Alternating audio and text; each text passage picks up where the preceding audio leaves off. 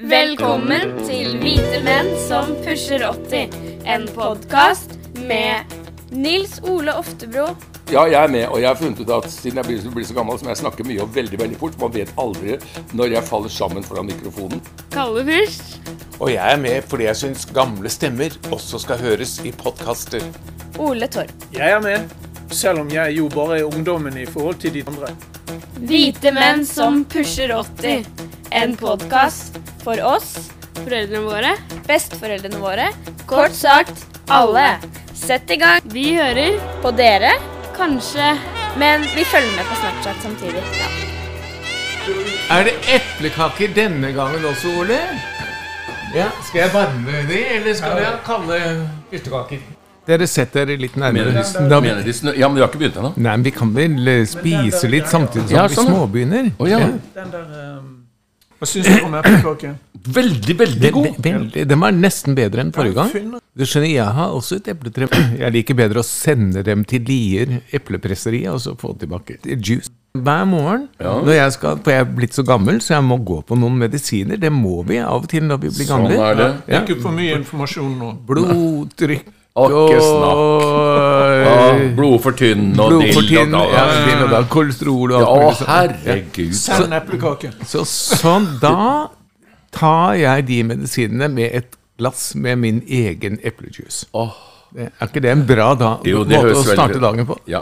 Men nå skal vi altså starte podkastopptaket. ja. Jeg har latt båndet gå lite grann, Ja. bare så folk skal skjønne hvor hyggelig vi hadde når vi samles. Ja, ikke sant? Og det med Og- og- eplekake og sånn, hvor viktig det er å ha et eget tre som man kan kose seg med. Ja. Har det skjedd noe? Er det noen som har opplevd noe? Jeg har for eksempel. Du begynner alltid med deg selv. Ja. Er, er det noen som Mange, har mange, opplevd noe? mange gjør det, Ole. Mange, mange gjør det. Ja, ja. Eh, Nils Ole, har du opplevd noe siden sist? Nei, nå syns jeg Kalle du skal begynne. Ikke Nei. ta det som en kritikk. Jo da, jeg bare påpekte det. Han, Har jeg vet hvor han har vært, for han har sendt bilder til deg òg. Fra Koster. Vær så god. Jeg har, jeg har vært på Koster sammen med noen venner. Og så har vi vært på Strandkanten restaurant.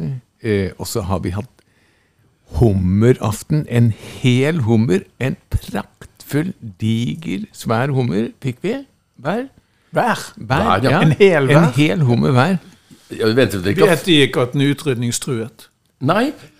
Vet du hva? Starten på denne hummersesongen har vært helt fantastisk. De sier det, de har ikke hatt en så god hummersesong. Ja, men Det er fordi at vi har strupt hummerfisk i flere år. Ja, sikkert. Ja, men det er sikkert Ja, ja, det må man jo fra tid til annen. Ja. Og så når vi var ferdig med å spise hummeren, så fikk vi altså verdens største isbombe. Så det var, det var hardt å komme seg hjem på Nordkoster. Ja. Det var liksom 70 cm bananasplitt. Det er, og det er ingen spøk, altså. Jeg trodde det var én sånn skål til alle. 15, men det var per person. Hva var anledningen for alt? Nei, vi samles en gang. Vi, vi samles på Koster i hummersesongen. Okay. Ja, Noen ja. ting har man tra tradisjon for. Du reiste til Bergen. Har du vært i Bergen siden Nei, sist? nei, dessverre. Ja. Dessverre har jeg ikke vært i Bergen siden er ikke- sist. Men det er Det er like før, selvfølgelig. Det er like før. Men Det, det som var morsomt da jeg var i Valdres nå, vi hadde dugnad i, i med å rydde løyper og merke løyper og, og sånt nå. Og det eh, i Kruk hytteforening. Så, kruk, kruk. Ja, det er veldig å ha med den. Den R-en er viktig. Ja. Hytteforening. Og så var vi altså. Vi var 35 stykker på dugnad, og så hadde vi eh, Hanne, min kone, som er veldig flink til å ordne og fikse. Vi hadde grill etterpå ute, på, og så var vi på Nytun fjellstue og drakk øl sammen. Alle sammen. Det var så jævlig hyggelig, altså. Men der har dere en rypevær, da. Dere har en hummer når dere er på Koster, og så en rypevær når dere er til Nei, her var det en skikkelig hamburger. en skikkelig hamburger. Ok, greit. Og du da, Nils Ole, Jeg- har du gjort noe spennende i yrkeslivet ditt? Ja, jeg begynte å prøve på Oslo Nyteater. Lang dag, svær mot natt. Sammen med en stor del av familien min. Sammen med begge sønnene mine, og sammen med Anette. Og det Det er eh, Det er flott. Det er rart, altså, når du sitter sånn med Og plutselig måtte spille en dysfunksjonell familie. Jeg skjønte undertonen i det der, Ole. Den, den lar nå rolig ligge. Den lar rolig ligge. Så nå, nå knøt han Du skulle stemt, nå knøt han der, nå koste seg noe så forferdelig. Ja. Men det er ikke til å komme forbi at uh, det fins jo alltid noen paralleller til en eller annen situasjon som man har opplevd i, i virkeligheten i løpet av dette stykket. Så det er uh, Ja, det er gøy. Jeg syns foreløpig så er det veldig stas og fint å ikke bare treffe disse gutta man ellers aldri treffer liksom hver dag på jobb, men, men, også selve det å være en familie som skal spille det stykket. Jeg tror det kan bli en, eh, ja, en slags reise inn i våre uoppgjorte ting oss fire imellom, og det kan være jeg har, Her kan jeg si med god samvittighet dette gleder jeg meg til. Jeg har kjøpt billett. jeg gleder meg også veldig til den forestillingen. Jeg tror jeg kan bli utrolig spennende. altså. Jeg tror det kan bli fint. Det må jo være noe helt spesielt dere er, har satt dere i nå også? Ja, det er det. Og det er veldig Det er nesten skummelt. Vi får se. Vi, men det er gøy, altså. Foreløpig er det gøy. Men vi har begynt å grave litt av og til. Pappa, hva sa du nå? Skal du ta den tonen der, liksom? Du syns du er bitte litt privat når du tar den? Nei, nå må du gi deg. liksom. Jeg må da få lov til Jeg er jo inspirert av rollen. Ja, greit, det. Mm. Altså, det er allerede der. Ja, sier du sånne ting? Hold kjeft, gutt! Kan du si det? Ja, det kan jeg. Ja. Men jeg sier jo ikke det her på podkast. Nei, nei, nei, nei, Nei. Nei, jeg ikke sånn at jeg bare koselig med dem hele tiden, jeg. Ja, ja. Nei, nei, uff. Nei, men Det må være litt sånn vanskelig hvis du blir irritert på en motspiller, og at det samtidig er din kone eller din sønn. ikke sant? At det kan oppstå sånne Ja. asymmetriske eh, konstellasjoner. Dagens gammeldagse tema. Altså. Vi, vi skal vel ha et slags hovedtema. Vi kommer vel ikke Det eldre, mener du? Skal vi snakke om Nei, det? vi skal ikke snakke om eldre. Men Nei, vel, vi, skal, vi kan snakke litt om eldre etter hvert. Men det har jo skjedd noe i verden som vi nesten innom på en eller annen måte. Det angrepet på Israel ja, fra Hamas, som er eh, Jeg kan ikke annet enn å si at jeg syns det er en forferdelig situasjon som alle er kommet opp i der. Det er vel, det er vel iallfall alle enige om. Ja, så, kan noen, så syns noen at etter hvilken en eller annen konvensjon så er det de som har feil, og så er det de som har feil, og de som har feil. Men det hjelper jo ikke det. Jeg så Urix i går. Jeg har aldri sett mer uforsonlig liksom, stemning på hver side av det bordet noensinne, tror jeg, på noen debatt. Og det gjorde meg veldig forstemt. Og jeg tenkte det hjelper jo ikke her om Palestina-komiteen har rett, hun var saklig og flott, hun. Eller om de som forsvarer Israel, liksom har rett. Det som er skummelt, som kommer ut av det, er hvor langt de står fra hverandre. Og hvor lite interessert de er til liksom å, å, å prøve å finne en måte å, å smelte disse tingene sammen på. Det syns jeg var Jeg som vel har gjort ganske klart i dette programmet her at, at jeg for å si det pent, lite glad i, i krig som løsning på problemer. Og spesielt sånn at vi sender bomber et sted for å være helt sikker på at de andre svarer med bomber, så at det blir veldig mange sivile drept på begge sider. Og så kan vi bruke det som en unnskyldning for å sette i gang hele det vestlige samfunnet for å skape et eller annet. Jeg syns det er eh, fra begge sider helt forferdelig. Og det har gjent seg gang på gang nå. Hamas sender bomber inn i Israel, og så oversvarer eh, Israel Vi har sendt 17 ganger så mange bomber inn i eh, stakkars de som bor i Gaza. Og så dør det masse mennesker.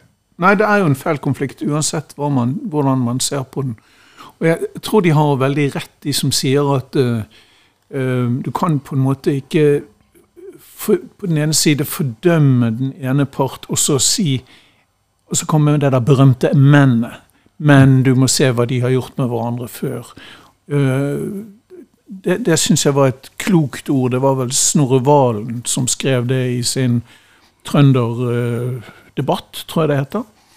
At eh, man må kunne ta avstand fra eh, myrderiene uten å komme trekkende med det der 'men' hele tiden.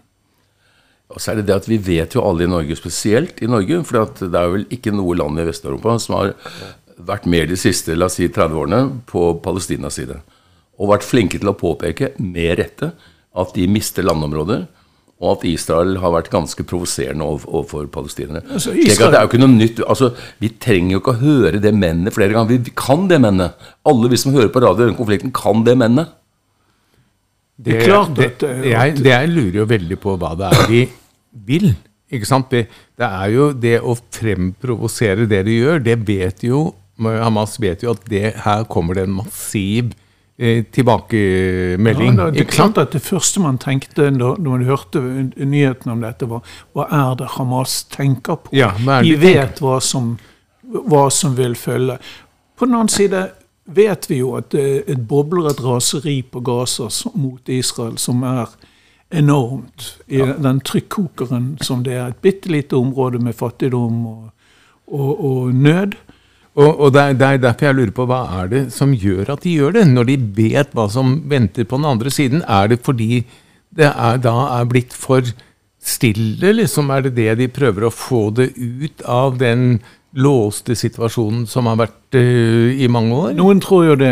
Andre tror at Iran har sagt at nå er en bra tid å gjøre det på, og vi, dere kan få raketter og kalasjnikover av oss. Um, noen sier at det kan være andre, andre ting. Men mange, husk på at mange av lederne i Hamas sitter utenlands. De sitter ikke i Gaza og skal bombes i senk nå. De sitter og planlegger disse tingene i trygge hovedsteder i, i, Midtøsten. Så det er en kynisme der også som er eh, veldig, veldig interessant, for, i mangel av et bedre ord. Fordi, som du sier, Kalle, de, de vet jo hva de utløser nå. Altså, jeg tror Benjamin Netanyahu, som, som jo leder en veldig eh, nasjonalistisk og høyreradikal regjering med veldig mange rare elementer, eh, sa jo nå at eh, dette motangrepet som, eller dette svaret vi kommer med, kommer å bli så sterkt at palestinerne vil kjenne det i generasjoner. Og, eh, og det lyder jo ikke særlig, særlig godt, altså. Og så er det jo sånn som det ofte er eh, i, i slike situasjoner, at det som er en tragedie for Israel og israelerne, eh, er Ehm, er en situasjon som eh, Netanyahu tror kanskje han vil komme styrket ut av, fordi at ingenting er som en felles fiende. ikke sant? De er dypt splittet i Israel. Så det er forferdelig mange som rører i den, eh, den gryten der. altså. Men det var Og I mellomtiden så ser vi altså, vi har sett bildene av folk, unge mennesker som blir myrdet på, eh, på en friluftsfestival i ørkenen. eh, Innbrudd og skyting i kibbutzer, og nå flatbombing i, i Gaza. Ja, for Det var ikke Netanyahu som startet dette, her, det må man si. Det var Hamas som startet Ja, angrep- absolutt, angrepene. absolutt. Og det er jo litt rart med Men det er hvordan svaret eh, kalibreres, på en måte. Øh, Men jeg vet liksom ikke hva de ønsker å oppnå med det. Altså, Dette er det jeg ikke forstår. Jeg, det, Nei, det er kan, vanskelig å forstå. det eneste de kan oppnå med det, er jo nå at, at selvfølgelig jødene, som hver gang Dette er jo ikke noe nytt. Altså Hamas, jeg vet ikke hvor mange ganger har de nå startet å sende raketter inn i Israel? Og så svarer Israel tilbake.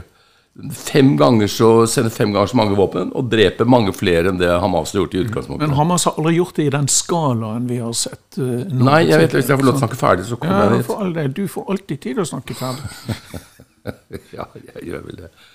Nei, det er derfor jeg spør, hva, hva ønsker å oppnå med det? Bortsett fra at han får drept veldig mange mennesker eventuelt på sin side. Er det at denne gangen så tror han at blodbadet blir så enormt at nå blir verden på en eller annen måte nødt til å reagere? Er det det de vil? Altså, Jeg kan ikke se noe annet enn det. Og det syns jeg midt inni alt er utrolig kynisk, for det er sine egne landsmenn han da liksom lar slakte ned eh, med, ved hjelp av israelske våpen. Men så har jo israelerne en oppførsel på den okkuperte Vestbredden som er helt vanvittig, og som er fordømt eh, over hele verden.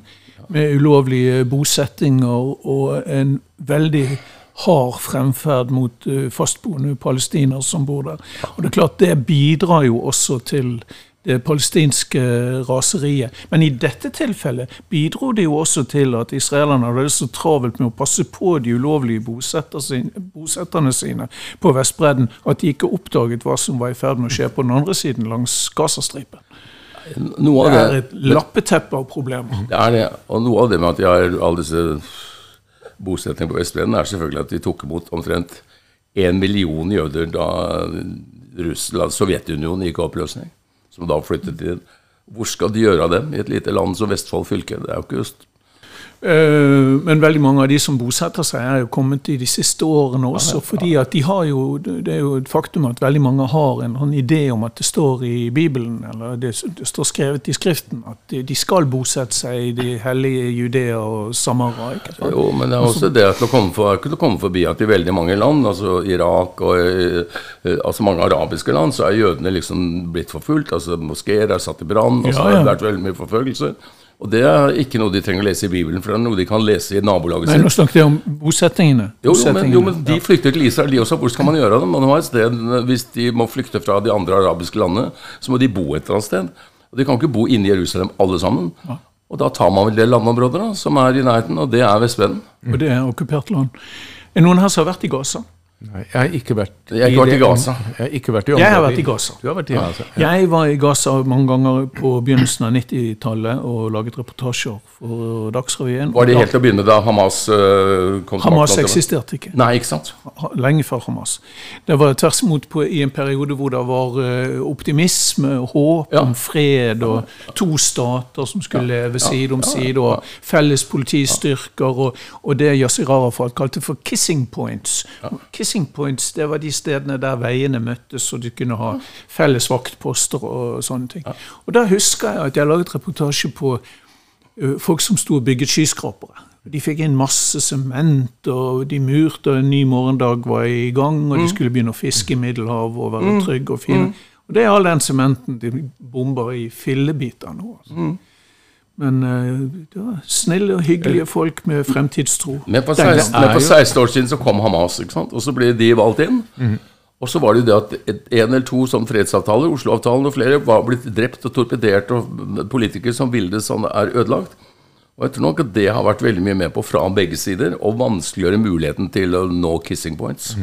Men, men er det noen mulighet nå, når vi er der vi er nå, for at det internasjonale samfunnet klarer å samle seg for å få til en ordentlig fred, sånn at det kan bli noe igjen, sånn som du beskriver, Ola, at de liksom Eller er de er hva over? som- the point Ja, nå? Hvor ender det da? til. Altså, amerikanerne har sagt at, offentlig at uh, de er med Israel, uh, koste hva det koste vil, fullt og helt. Det er en fribillett. Mm. En fribillett til å gjøre hva de vil i, i Gaza. ikke sant? Og de andre maktene som står på den andre siden, har eh, kritisert USA for å ha tilrettelagt for at Israel får drive krig, og eh, Iran er åpenbart en spiller i, i dette med sine, sine brigader og sine mystiske militser rundt omkring overalt i Midtøsten. Så det er veldig vanskelig å se hvordan de kan komme ut av dette. Eh, med mindre kongen av Jordan griper inn, eller noen klarer å Altså Hvis du får et felles arabisk initiativ, tror jeg kanskje at du kunne oppnådd noe. Men i øyeblikket tror jeg Netanyahu er opptatt av hevn. Rett og slett. Ja. Hevn i bibelsk forstand. Altså. Men, men Og det verste er at det kan man jo Det er, det er ikke helt umulig å Jo, det. men det. Israel må også get their act together. ja, ja, altså. ja, ja, jeg er enig i det.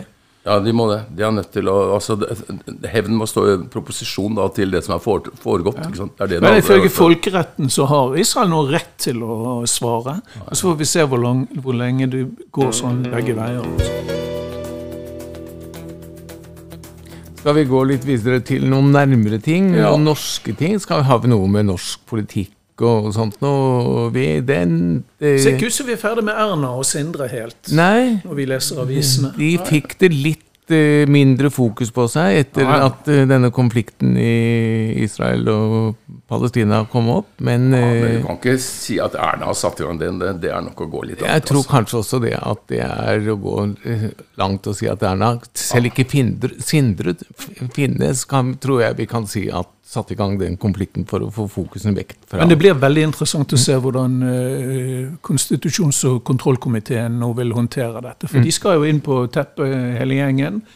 Og uh, vi har vel snakket om det før. Det er lurt når du står i en sånn krise og blir avslørt, uh, å fortelle sannheten med en gang. For det er ingen som tror lenger på at journalister er fornøyde når de har fått én overskrift. De sier alltid Her er mer. Her, er mer. her må være mer. Gjett om de gjør. Gjett om de gjør. Og det viser seg at de gjør. ikke sant? De finner ut at uh, her, her, har det vært handlet aksjer og spekulert og lobbyet mot statens interesser og mot statsministerens kontor. Uh, Interessant i mangel av et bedre ord. Ja. ja. Eh, jeg leste akkurat et sitrat fra uh, Otto von Bismarck, ganske, ganske, den tyske generalen, som har sagt følgende at om pølser og politikk. Den som vet hvordan lover og pølser blir laget, får aldri en rolig natts søvn. Det, er, det er jo ganske godt sagt. Og noen ganger når jeg nå ser på norsk politikk, så syns jeg det er pølsebev, for å si det sånn. Og jeg, vi har snakket om det før, men altså den, den eh, Helt fra de begynte nå med boligsakene i Stortinget og uh, ulike sånn habilitetssaker og sånt noe, det er ikke akkurat noe som gjør at man får en voldsom tiltro til uh, vårt politiske system. Det syns jeg er det verste.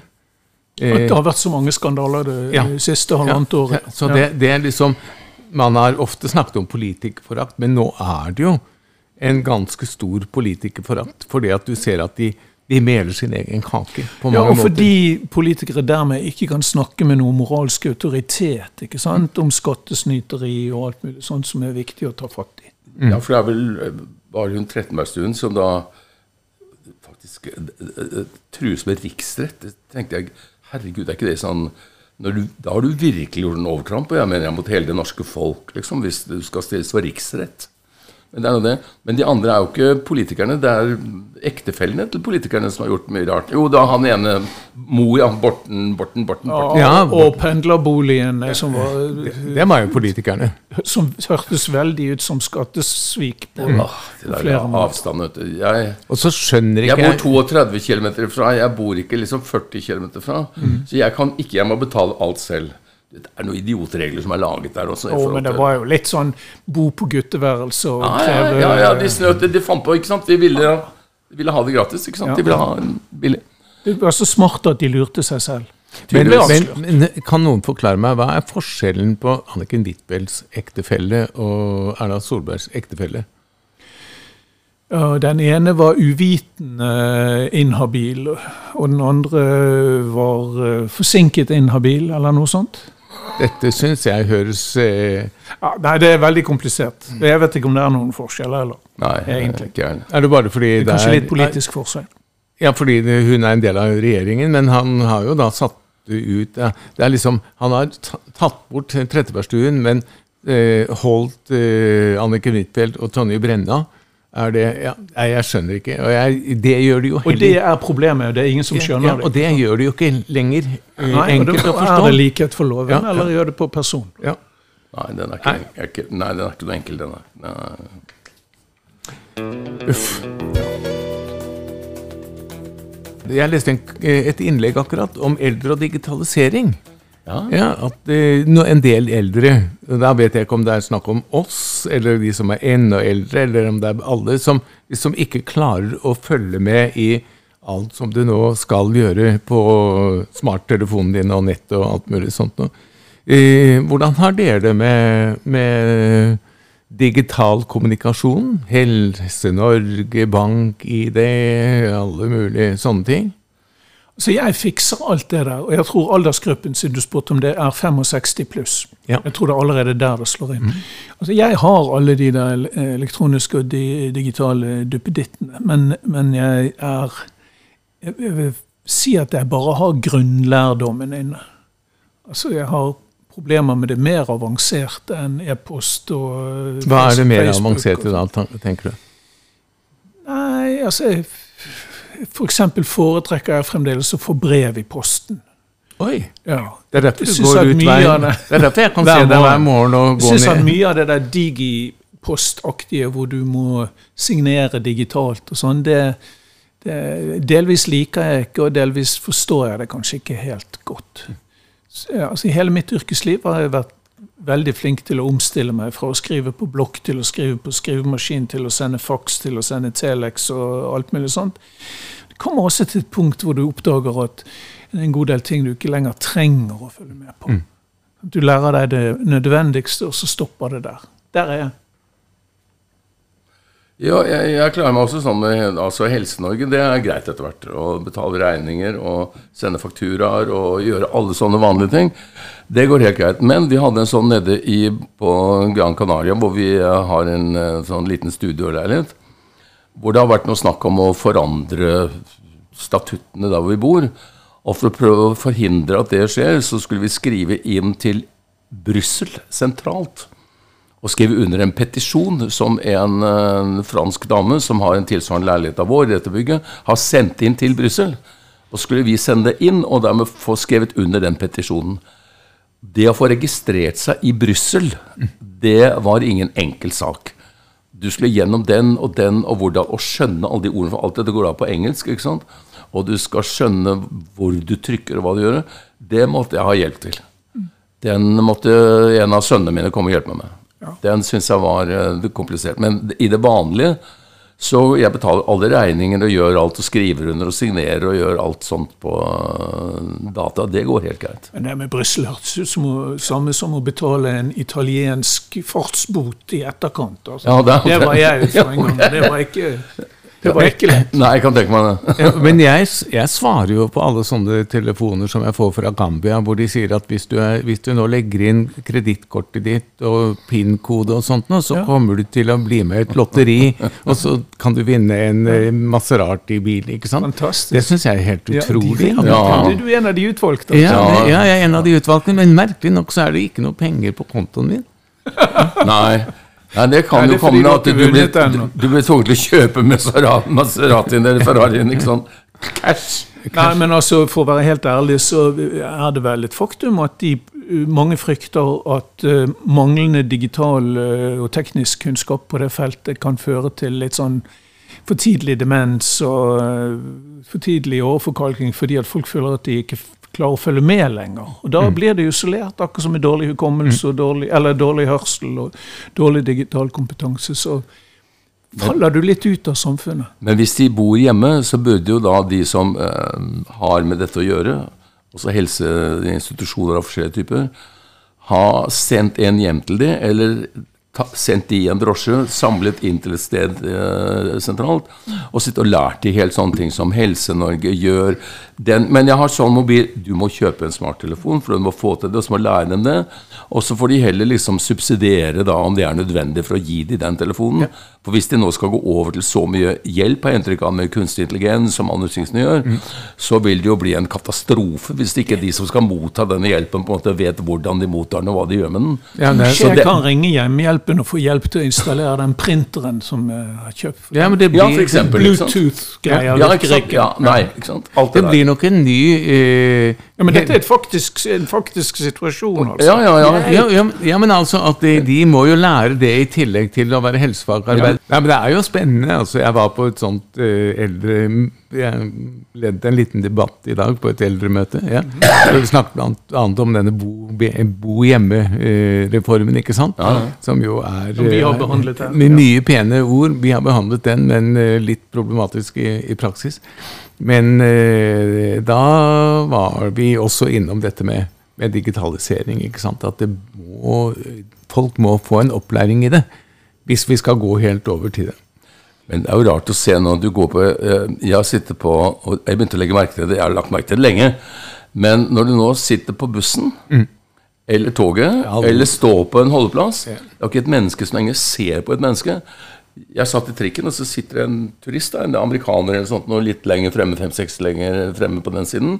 Og bak så sitter en ung jente med sånn hvite ørepropper i. Mm. Og så snur han seg mot henne 'Excuse me, could you help me?' and tell Hun for det første har hun nesa nedi der, og så han propper i ørene. Så hun verken ser han eller hører han. Og han gjentar det tre-fire ganger. Og idet jeg skal til å reise meg, liksom for sånn, sånn, så går han over midtgangen liksom, og snur seg. Og der er det et menneske som da ser dette her og hjelper han. da. Men det er helt utrolig. altså Vedkommende satt helt blokket ut for alt som skjer. Tro, De opplever jo ingenting lenger, annet enn det som står kunstig inni denne. Dette kommer til å snart til å bli seksualliv. Mm. For du får sånne maskiner, du får ja, ja, intelligent, du får bilder, du får visual reality, du får liksom alt med himmelen. Man trenger ikke å treffe hverandre lenger. Man kan sitte med trynet nedi den, og den underholder deg, underholder, for den kan alle triksene. Spesielt ved hjelp av kunstig intelligens, på hvordan du skal få adrenalinet til å stige, hvordan du skal få utløsning, hvordan du skal få både fysisk og psykisk, altså hvordan alt skal skje. Og jeg syns det er et sånt nederlag for hele menneskeheten. Men tror vi, at Norge, tror vi at Norge er i en særstilling her? Jeg tror nemlig det. Nei, jeg tror det. Ja, jeg tror det. Nei, det tror jeg ikke. Altså, jeg, jeg husker da jeg var i Jeg har jo jobbet mye Men Norge er verre enn veldig mye annet. Nei, jeg, da jeg jobbet Jeg har jobbet mye i Asia. Ja. Eh, og i Thailand for syv-åtte år siden, så der var de De var mye tidligere enn oss. Okay. Ja, men så altoppslukende. Så altoppslukende. Hvis du tok T-banen i i Bangkok, så fikk du ikke kontakt med Og de selv sa det. liksom Her har det skjedd en kjempeendring i løpet av de siste årene. Alle thaier ser bare på mobiltelefonen sin når de er på offentlig kommunikasjon. Så vi, vi har kommet etter. Og dessverre. Ja. Ja, jeg Det det var en som sa til meg, og jeg har i og for seg lagt det ut på min Facebook-side, eh, som jeg syns var veldig godt sagt. Hvis noen fra 1950-tallet plutselig opptrer i dag, eh, hva ville vært den vanskeligste tingen å forklare for ham eller henne om da, ditt liv i dag? Og da er svaret eh, du skal gi Jeg eier en, en dings som jeg har i lommen, som er i stand til å skaffe meg all informasjon kjent av mennesker over hele verden. Jeg bruker den til å se på bilder av katter og til å krangle med vilt fremmede mennesker. Det er ganske godt. Ja, det er veldig godt sagt. Og så blir du overvåket samtidig. Jeg har ikke jeg har, Jo, det ble jeg sikkert. Det, det, Jeg klippet på en robotplenklipper forleden dag, og nå overøser seg av oh, ja, sånn, ja. av Ja, tilbud ja, ja, ja, om billige Sånn, ja, ja. eh, plenklippere. Alt fra den som passer til fire kvadratmeter, og den som passer til Jo, to men fotballstadioner. når, altså, når, når du har vært inni noe, så kommer Ja, det ja. ja, pass deg hva du går inn i. Men, altså, men jeg får sånn Skal vi se om det ligger noen her nå, da, for jeg får stadig nye sånne. Skal vi se, skal vi se om det ligger noe her nå. Her, ligger, her er det nye som er prikk på. Uh, Det er naken dame. Vektnedgang, virusbeskyttelse Naken dame. Ikke bare naken dame. Det er sånn Um, Vil du ha kos? Eller sånn, sånn sånn. Ja. Jeg har aldri hatt så draget på så mange tydeligvis unge damer. da Det er jo ren prostitusjon ikke sant som ligger reklame for inni. Hvor, hvor, unnskyld, hvor, hvor, med hvor ligger den hen? Kalle ble litt interessert. Jeg, jeg har aldri vært inne på sånn. Det er det som er det rare. Nei, du vet For hadde jeg nå vært sånn som hele tiden satt og knipset på sånne ting Ja. Men jeg går ikke inn på Jeg ser ikke pornosider på telefonen. Jeg gjør ingenting sånt. Mm. Og du har vært så veldig opptatt av det. Jeg synes, eh, Hva ser du på nå? Nei, altså Jeg har alltid syntes med fotball og alt mulig Jeg er ikke så interessert i å se på det. Jeg synes å delta.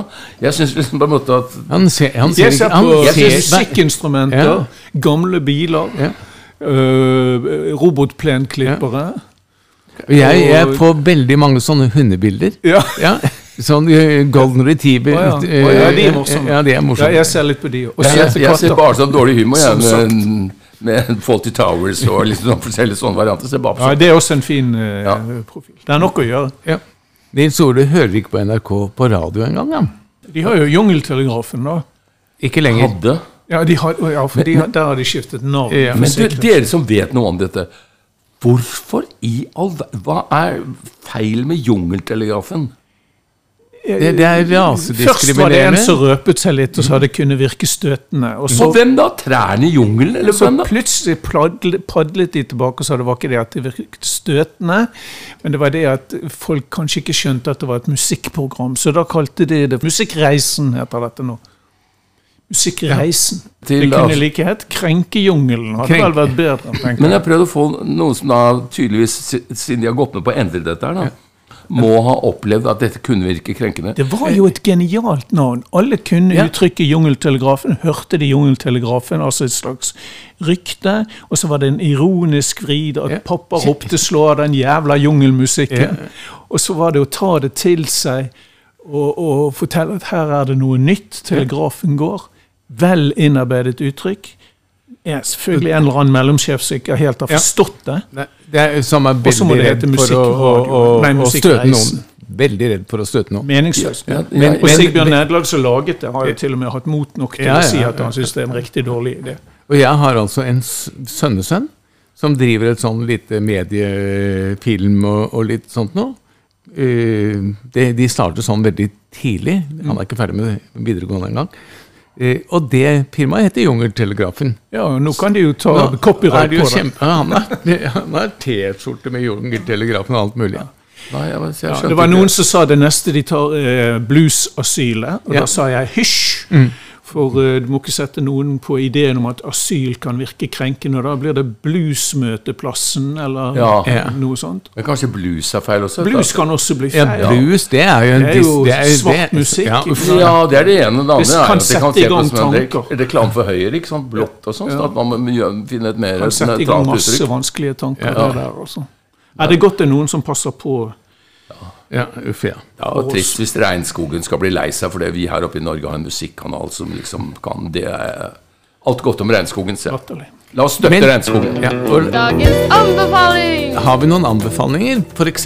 går det jo an å anbefale det gamle, den gamle Jungeltelegrafen.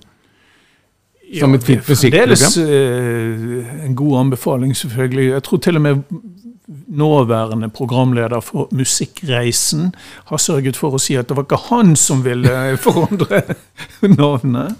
Nei, Vi kan jo anbefale Bluesasylet, Ja. Knut Reiersruds Ja. utmerkede program om ettermiddagen om lørdagen. Ja, det er ikke lett å være mellomleder. Anbefale det mens det ennå er der. Ja, det er ikke lett å være mellomleder i NRK Åpenbart ikke. Å ta feil beslutninger. Åpenbart ikke. Det er tydelig.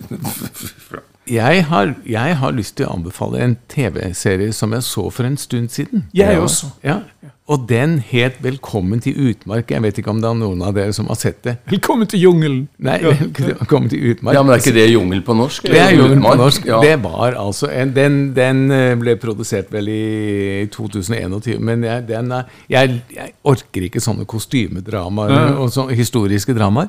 Men den var altså fra et sånt litt sært sted eh, som muligens var liksom på grensen mellom samisk område og, og, og Men område. det var masse finner og samer som ble krenket over at de var utmark. da. Ja, nei, det var ikke så mange som følte seg krenket av den. Og det var en Men de kanskje må gjøre opp, gjøres oppmerksom på at de kan, kan bli krenket. krenket. Det var en alkoholisert sauebonde, og det var en eh, same, og det var Ja, eh, kona til saue- sauebonden. Altså, det var, det var, den var så den- Den er verdt å gå inn og se på, altså. Ja. Ja. Velkommen til Alkoholiserte sauebønder. Og samer er selvfølgelig alltid interessant, men, men ja, ok, greit. Ja. Jeg begynte å se på den helt nye danske kvalitetsserien som heter Huset. Ja, Hva syns du om det? Huset. Jeg har bare sett de to første episodene, men jeg syns det ser drita godt ut.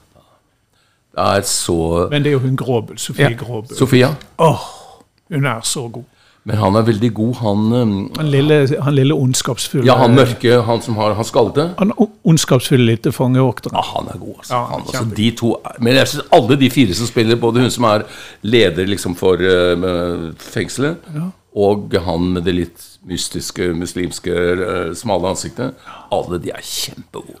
Er Men Sofie er jo alltid en særklasse. Det er hun jo Ja, og så er den skrevet på en sånn måte at du kommer inn i det med en gang. ikke sant? Der er et, eh, der er et eh, Du behøver ikke forklare hvor du er. du Handlingen begynner øyeblikkelig. Du skjønner hvem som er på parti med hvem, og hvem som er farlig, og hvem som er god, og hvem som er snill. I hvert fall hvis det ikke skjer en interessant twist i løpet av greien. Og så tenker jeg det som altså dette fengselet hvor det da sitter disse voldelige gruppene sant, som slåss mot hverandre og har makt inne i fengselet, som et metafor på situasjonen i Sverige, på Danmark, på alt altså hvor vi er satt til å vokte over en hel masse mennesker som da er, går mye lenger enn noen av oss, både i vold og i aggressivitet. Og, og hvordan gjør vi det? Vi når ikke frem til dem. For disse superkriminelle, det er jo samtidig veldig mange av de eh, troende muslimer, da, så de ligger og ber fem ganger eh, liksom rumpa i været eh, på disse mattene sine. Og, og, og, og, spørsmålet er, og grunnen til at jeg sier det så negativt med rumpa i været, er for at jeg tror ikke et øyeblikk på at de er troende, for de gjør jo ingenting av det. De ber, men det er jo bare ord som renner ut av kjeften på dem. For neste øyeblikk så er de jo så voldelige og så som det ikke sant? Og, og den dobbeltheten der mellom en påstått religiøsitet og eh, denne følelsen av å være annerledes, i den forstand at de blir så hatefulle at ikke det er skummelt. altså. Fromhet og hat går hånd i hånd. Ja, til de grader. Men den serien er så god, fordi jeg merket Det er ikke så ofte det er sånn serie går inn på meg. Jeg merket at jeg fikk en sånn, sånn liten sånn sitrende uro i kroppen av, av å se den. Altså. Ja, man den blir- er virkelig uhyggelig. Ja, jeg klarte bare to episoder, så jeg måtte ta en pause. Ja, jeg ble, jeg ble hele sånn, jeg tenkte dette klarer jeg ikke større doser av. Danskene får vente. til de seriene der. Så de er Jeg, jeg må inn og se på den. Mm, du må se det. Ja. Uh, og så må du gå på k- maleriutstilling, Kalle. Ja. Ja, Ja, du må se Arvid Pettersen. ja. Hvor er det? Ja, den, er- den heter, uh, Galleriet heter Knut Blomstrøm Ja. Contemporary. Mm. Ja, veld, veldig bra. Og så må du jo se Harriet Backer, selvfølgelig. Ja. På, I Nasjonalmuseet. Ja. det har ikke jeg gjort engang. Det er lenge siden jeg har vært der. Storartet. Ok. Ja, hun er fantastisk. Veldig, veldig god. Skjer det noe i alderdommen? Er det noen som forventer noe av livet til neste gang, da? Vi skal møtes? Vi er jo kommet til den alderen hvor vi skal nyte å være sammen med gode venner. Ja. Så det, det syns jeg er faktisk viktigere og viktigere, å være sammen med venner og ta vare på dem og snakke sammen og ja, høre hvordan de har det og gjøre ting sammen. Jeg gleder meg til søndag. Da skal vi ha eh, Jonas, altså min yngste sønn, hans kjæreste, og foreldrene til kjæresten. Og eh, noen av de andre barna mine over til å spise middag. Og søsteren til Anette og kjæresten hennes. Og det blir veldig hyggelig. Det er som du sier, altså det der å ta vare på de menneskene som man er glad i, og som er rundt en hele tiden, det er vel kanskje noe av meningen med livet hele tiden. Men Men det blir ofte- klarere når man blir eldre. ja, det gjør det. Det er så mye som frister når man er yngre. Jeg lurer på om jeg skal gå på Bakkekronen på jazz på lørdag. Slå ut håret! Slå ut håret, ja. Det lille håret jeg har igjen. Ja. Ja, du er jo veldig glad i denne bakkekroa. Ja, ja. Og så har jeg Ah. faktisk tenkt eh, litt når vi nærmer oss desember, å lage et rakfisklag her for herrer. Så hvis dere er hjemme, så kan det hende at dere blir invitert. Du, Wow, wow. Fra rakfisk fra Valdres. Ja, Ja, det er den beste. Valdres. Du får ikke bedre. Du får ikke bedre. er brød og løk og Rødbeter. smør og, eh, Poteter er faktisk viktig. potet også. Og og, lefse. og dill. Ja. Ja, lefse hvis man vil. Ja, hvis man vil. Ja.